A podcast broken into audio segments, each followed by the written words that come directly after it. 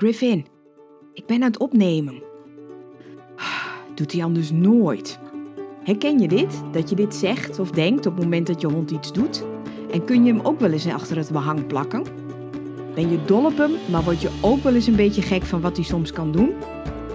In deze podcast Doet hij anders nooit vertel ik elke week waarom je hond dat doet, hoe dat komt dat hij het blijft doen, of misschien ook wel niet, en natuurlijk wat je eraan zou kunnen doen. Ik ben Monique Bladder, gedragstherapeut voor honden. En net als jij heb ik zeker niet de perfecte honden, maar wel de allerleukste. Ondanks dat ze soms dingen doen die ze anders nooit zouden doen. Hey, Monique hier.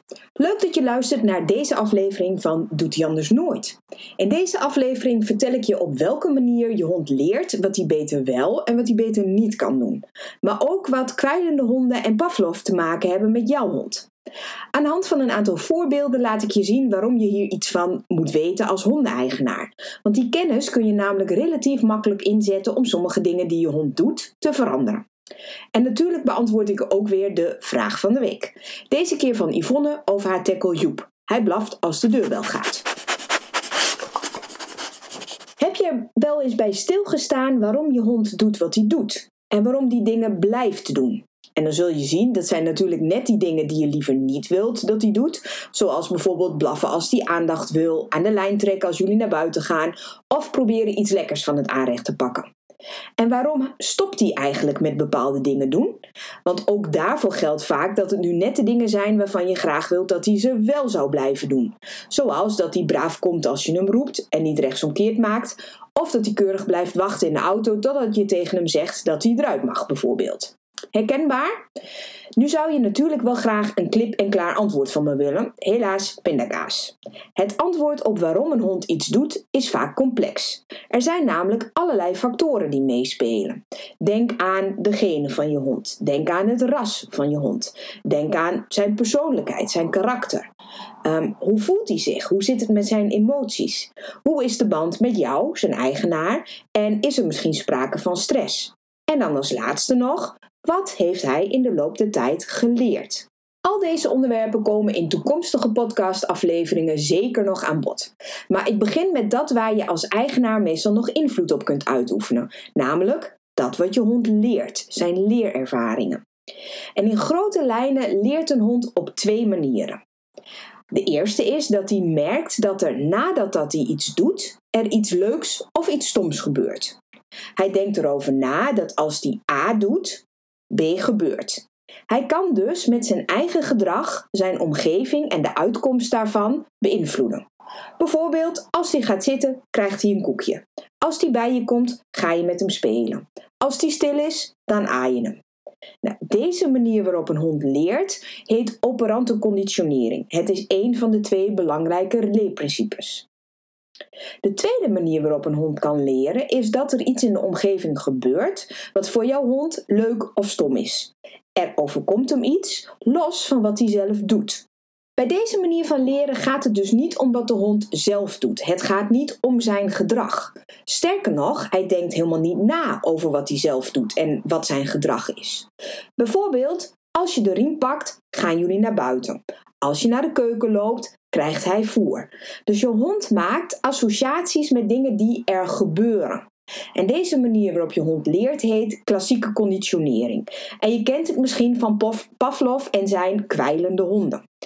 Um, het verhaal over Pavlov is dat hij um, onderzoek deed naar hoe speeksel geproduceerd wordt. En dat deed hij, en dat was eigenlijk helemaal niet zo'n heel erg leuk onderzoek. Dat deed hij aan de hand van honden die uh, buisjes hadden, die dan vanuit zeg maar, de mondholte uh, eruit kwamen. En op die manier kon hij de speekselproductie van die honden meten. Nou, en hoe deed hij dat dan?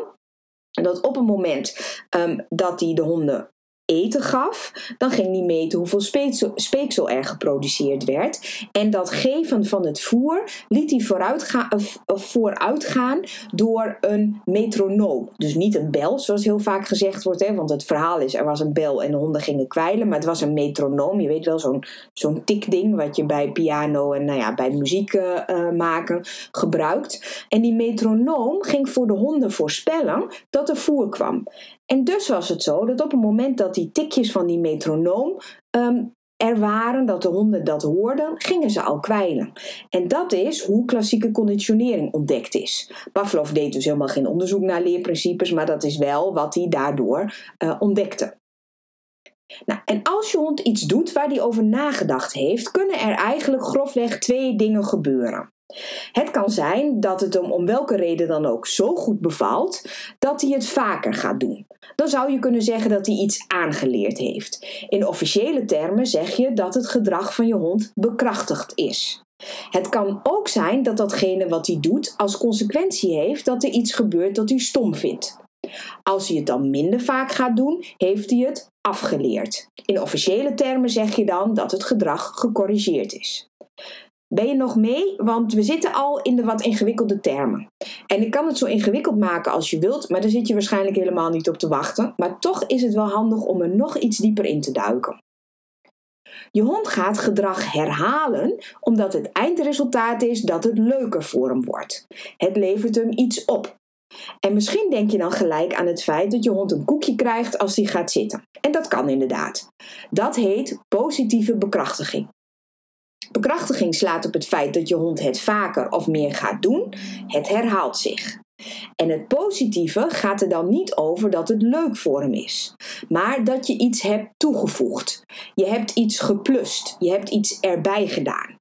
Nou, dat kun je noteren met een plusje en dat wordt wiskundig gelezen als positief. Dus is het positieve bekrachtiging gaan noemen om het allemaal maar verwarrender te maken dan wat het al is. Het was al niet ingewikkeld genoeg, zullen we maar zeggen. Je hond gaat gedrag ook herhalen als er iets is dat hij vervelend vindt en dat gaat vervolgens weg als je hond iets doet. Een bekend voorbeeld is de hond die blaft als de postbode aan de deur staat. Je hond vindt die postbode vervelend. En na het blaffen gaat de postbode weg. Je hond weet natuurlijk niet dat die postbode nog wel wat anders te doen heeft dan bij jou voor de deur te blijven staan. Dus het wordt voor je hond leuker omdat er iets vervelends verdwijnt. Als hij dan een volgende keer weer of misschien zelfs harder blaft naar de postbode, zeg je dat het blaffen negatief bekrachtigd is. Het is bekrachtigd omdat het blaffen meer en erger wordt. En dat is het gevolg van het feit dat er iets weggaat na het blaffen. Verminderen kun je aanduiden met een minteken en dat heet dan negatief. Dus negatieve bekrachtiging. Goed, dat is het aanleren of het herhalen van gedrag omdat het uiteindelijke resultaat van het gedrag voor je hond prettig uitvalt. Het levert hem iets op. Het wordt leuker voor hem. Maar je kunt je hond natuurlijk ook iets afleren. Dan gaat je hond stoppen met het gedrag omdat het eindresultaat voor je hond juist stom is. Het is vervelend voor hem. Denk bijvoorbeeld aan een hond die stopt met trekken omdat de eigenaar aan een prikketting rukt.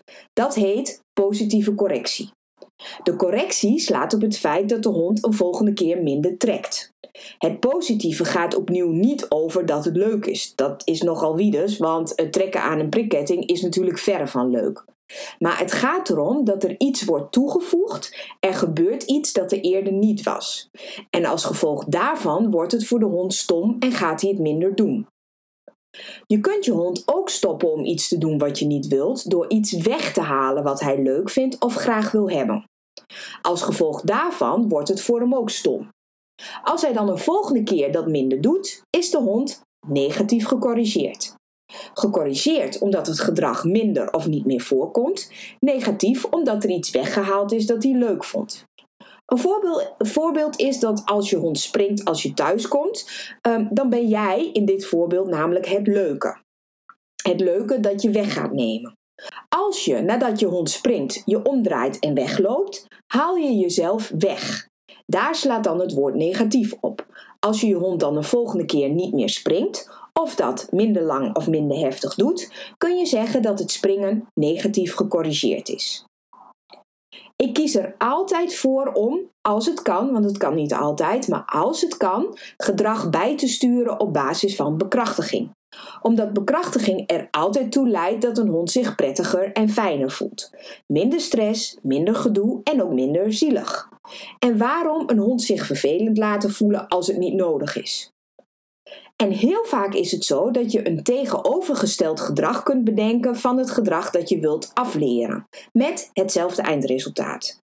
Je kunt bijvoorbeeld zeggen: Ik wil mijn hond afleren om te springen. Maar je kunt ook zeggen: Ik wil mijn hond aanleren dat zijn poten op de grond blijven als er bezoek is.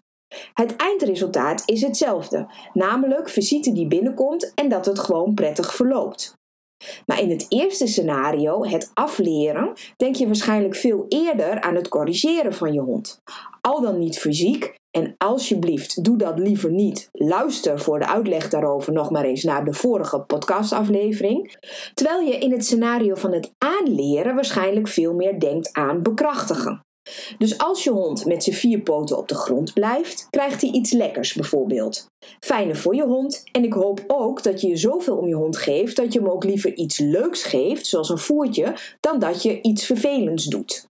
Want ja, we willen toch allemaal, neem ik aan, een fijne band met onze hond en hem niet zich onprettig laten voelen, tenzij dat strikt noodzakelijk is. Soms ontkom je daar niet aan, maar dat is eigenlijk maar in een heel zeldzaam aantal gevallen. Ehm, dus probeer het vooral in de hoek van het bekrachtigen te zoeken. En dat verhaal van bekrachtigen en corrigeren gaat dus over operante conditionering. Weet je het nog? Daarbij denkt de hond na over de gevolgen van wat hij zelf doet op basis van ervaringen die hij in het verleden heeft gehad. De tweede, minstens net zo belangrijke manier van leren is klassieke conditionering. Dit leerproces gaat onbewust. Je hond denkt niet na over wat hij zelf doet. Want zijn eigen gedrag is helemaal geen onderdeel van het plaatje in zijn hoofd, van wat er op dat moment gebeurt. Dingen in zijn omgeving en die omgeving zelf worden dan de voorspeller van dat, wat, dat er iets gaat gebeuren. En als ik het dan heb over dingen in zijn omgeving, moet je dat heel breed zien. Dat kunnen geluiden zijn, dat kunnen voorwerpen zijn, dat kunnen andere dieren zijn, honden, katten, paarden, whatever. En dit zijn zogenoemde prikkels. Ook dingen die jij doet kunnen een voorspeller worden van dat er iets anders gaat gebeuren.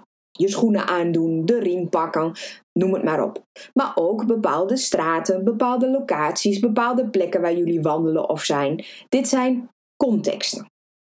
Je hond maakt op basis van die prikkels of contexten associaties. En ze kunnen leiden tot positieve of negatieve emoties. Hij voelt zich fijn of hij voelt zich niet fijn.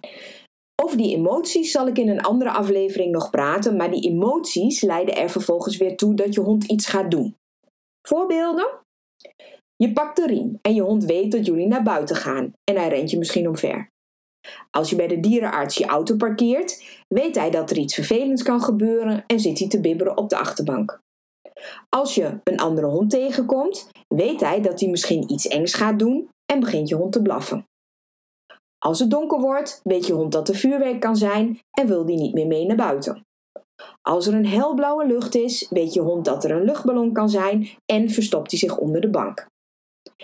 En zo zie je dus dat al die verschillende prikkels en al die verschillende contexten bepaalde emoties uitlokken en die emoties leiden weer tot bepaald gedrag. Nou, wat kun jij als eigenaar nu met deze soms wat ingewikkelde termen? Nou, die termen mag je wat mij betreft vergeten. Maar als je weet hoe je hond leert, kun je dat gebruiken om hem dingen te laten doen die je wilt, hem te laten stoppen met bepaalde dingen zonder dat je hem daarvoor pijn hoeft te doen of te laten schrikken. En je kunt er natuurlijk voor zorgen dat hij zich vaker fijn voelt dan dat hij zich onveilig voelt. Om daar dus dingen in te veranderen, zul je je als eerste altijd moeten afvragen of je hond iets doet met een gevolg, met een consequentie die dan leuk of stom is. Dus denkt hij erover na. Gebeurt er direct nadat jouw hond bepaald gedrag laat zien, gebeurt er dan iets wat voor je hond vervelend is of misschien juist leuk? Dus is het bewust gedrag? Of gebeurt er iets in zijn omgeving wat voor je hond iets voorspelt? En zorgt dat voor een bepaalde emotie en leidt die emotie tot bepaald onbewust gedrag? Als je hond bewust iets doet, zul je iets moeten veranderen afhankelijk van of je wilt dat dat gedrag vaker voorkomt. Dus wil je dat je hem iets gaat aanleren of wil je dat het gedrag minder vaak voorkomt, dus wil je hem iets afleren. Stel, je hond trekt aan de lijn omdat hij graag naar een plekje verderop wil. Hij heeft in de loop der tijd geleerd dat als hij trekt, dat hij daar dan sneller komt. Het trekken is dus positief bekrachtigd. Het is bewust gedrag. Meestal, soms is trekken aan de lijn onbewust gedrag, maar om het voorbeeld simpel te houden, gaan we dat nu even niet bespreken. Als je wilt dat je hond stopt met trekken, kun je dat dus in theorie op verschillende manieren doen. Je kunt gaan proberen het trekken af te leren en dan ga je dus het trekken corrigeren. Dat kun je doen door iets vervelends toe te voegen, bijvoorbeeld door zelf heel hard aan de lijn te trekken. Dat is dan een positieve correctie en Mocht het nog niet duidelijk zijn, dat vind ik een heel slecht idee. Luister de vorige aflevering, die gaat over fysieke correcties. Um, en realiseer je dat je daarmee dus mogelijk het probleem groter maakt. En dat je in elk geval daarmee je hond fysiek ongemak geeft. Um, en als het niet hoeft, blijf daar alsjeblieft bij weg. Je kunt het trekken ook corrigeren door stil te gaan staan op het moment dat je hond trekt. Dan haal je iets weg, namelijk zijn toegang tot dat ene plekje waar hij graag naartoe wil. En dat is dan een negatieve correctie. Minder pijnlijk, minder schadelijk, maar wel een beetje vervelend voor je hond. Soms kan het niet anders. Ehm, ook het leven van een hond gaat niet altijd over rozen. En soms gebeuren er dingen en moet je dingen doen die minder leuk zijn voor een hond shit happens, zeg ik dan. Ehm, maar in dit voorbeeld kan het wel anders. En als het anders kan, kies daar dan ook alsjeblieft voor. Je kunt er namelijk ook gewoon prima voor kiezen om niet het trekken te corrigeren, maar te bedenken wat je wel wilt. Namelijk dat hij met je meeloopt aan een slappe lijn. Dat is namelijk gedrag wat je positief kunt bekrachtigen. Dus dat je dat zo met hem oefent dat je in kleine stapjes hem duidelijk kunt maken dat meelopen aan zo'n slappe lijn iets oplevert. Uh, en oh ja, als je begint met voertjes, betekent dat echt niet dat je je hond zijn hele leven lang alleen maar koekjes hoeft te geven om hem iets te laten doen. Dat kun je prima afbouwen. En voor die mensen die zeggen: Ik wil niet werken met voer, gebruik dan spel. Of gebruik aandacht. Of gebruik andere dingen die jouw hond leuk vindt. Maar zorg ervoor dat het voor je hond de moeite waard is. Want ik neem aan dat jij toch ook niet voor niets werkt. Maar ook daarover in een andere aflevering meer. Denk nu niet dat je met deze manier van gedrag beïnvloeden alle problemen kunt oplossen was het maar zo'n feest. Heel veel vervelende dingen die honden doen, zijn vaak het resultaat van vervelende emoties en stress van je hond. Die ontstaan zijn door negatieve associaties, dus door klassieke conditionering.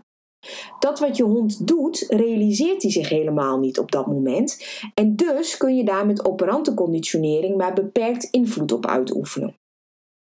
Als jij bijvoorbeeld gilt als je een muis ziet omdat je bang bent voor muizen, kan ik je niet belonen voor het stilstaan. Dat is waarschijnlijk niet echt effectief. Het gaat veel beter werken als je de muis de voorspeller kunt laten zijn van iets leuks. Dus elke keer als er bij jou door de kamer een huis rondrent, krijg je van mij 1000 euro. Zodat elke keer als jij die muis gaat zien, dan denk je: oh, 1000 euro. De muis wordt de voorspeller van iets leuks. Daardoor word je niet meer bang en daardoor gil je niet meer. En ben je dus stil. En misschien is 1000 euro onvoldoende. Misschien heb je meer nodig, maar je wordt niet banger en de kans is groot dat je muizen op den duur dus minder eng vindt. En dat je dus stopt met gillen als je een muis ziet. Op deze manier, maar dan met iets meer tussenstappen, kun je je hond ook leren om niet meer bang te zijn voor harde geluiden zoals vuurwerk of onweer. Als je naar moniquebladder.nl slash doet anders nooit liggend streepje vuurwerk gaat, kun je daar een stappenplan downloaden om hiermee aan de slag te gaan. Klassieke conditionering in de praktijk. En in dat bestand vind je dus informatie over hoe je dat kunt doen met vuurwerk, maar dat kun je natuurlijk ook gewoon gebruiken voor andere geluiden. Afsluitend moet ik zeggen dat het bijna nooit zo simpel is dat er maar één specifiek leerprincipe aan het werk is. Meestal is het een combinatie van operante en klassieke conditionering, samen met nog allerlei andere factoren. Maar dat kan ik je heel erg lastig uitleggen in een podcast. Zeker omdat het dan eigenlijk heel erg per geval verschilt. Maar ik hoop in elk geval dat dit je inzicht gegeven heeft in de basisprincipes hoe je hond leert en hoe belangrijk het is dat je dus kijkt naar waar zit de oorsprong van het gedrag, want daarmee kun je vervolgens ook makkelijker er iets aan doen. de Doet hij anders nooit? Vraag van de week. Hoi, ik heb een vraagje. Ehm, ik heb twee tackles. De oudste wordt in maart 9 jaar. Al vanaf het begin blaft hij als de deurbel gaat. Ik dacht dat het het type bel was dat op triggerde, dus heb ik uiteindelijk voor een ander geluid gekozen. Maar zodra hij merkt dat ik opsta en naar de deur loop, dan begint hij te blaffen. En hij stopt pas als of ik weer binnenkom en degene die aan de deur stond weer weg is. Of als het gaat om visite, blijft hij blaffen totdat zowel ik als de visite op een bank zit. Een van de twee die blijft staan, dan blijft Joep blaffen. Um, enige uitzondering daarbij is als het bekende zijn, dan stopt hij wat eerder met blaffen. Uh, als het een onbekende is die over de vloer komt, dan heeft hij ook de neiging om weer te gaan blaffen zodra die persoon opstaat. Um, hij weet heel goed wat nee is, kan dat normaal gesproken buiten heel goed toepassen of met andere dingen, maar op dat blaffen heeft dat allemaal geen effect. En ik weet niet zo goed meer wat ik er nu nog tegen moet doen. Ik uh, hoop dat jij daar wel een idee over hebt. Dankjewel. Ik hoop dat je, als je deze vraag van Yvonne hoort, een idee hebt waarom de nee van Yvonne niet werkt in deze situatie. De kans is namelijk groot dat die nee wel werkt als Joep iets doet waar hij over nagedacht heeft. Als hij bewust gedrag laat zien, zoals misschien iets van de grond afpakken buiten. Ik noem maar een voorbeeld. Ik weet niet op basis van de vraag van Yvonne wel, voor welk gedrag die nee wel werkt, maar ik zou me zo kunnen voorstellen dat dat het geval is. Het blaffen na visite, wat de tackles van Yvonne doen, klinkt als iets dat veroorzaakt wordt door het feit dat ze het wat spannend vinden. Of misschien zijn ze wel gewoon waaks. Ook nog een leuk onderwerp dat vast een keer de revue gaat passeren. Maar in elk geval is de visite een prikkel die leidt tot bepaald gedrag. De bel is daar de voorspeller van geworden. En het opstaan en naar de deur lopen van Yvonne is daar weer de voorspeller van geworden. En zo zijn er dus allerlei voorspellers die Joep door middel van klassieke conditionering beïnvloeden.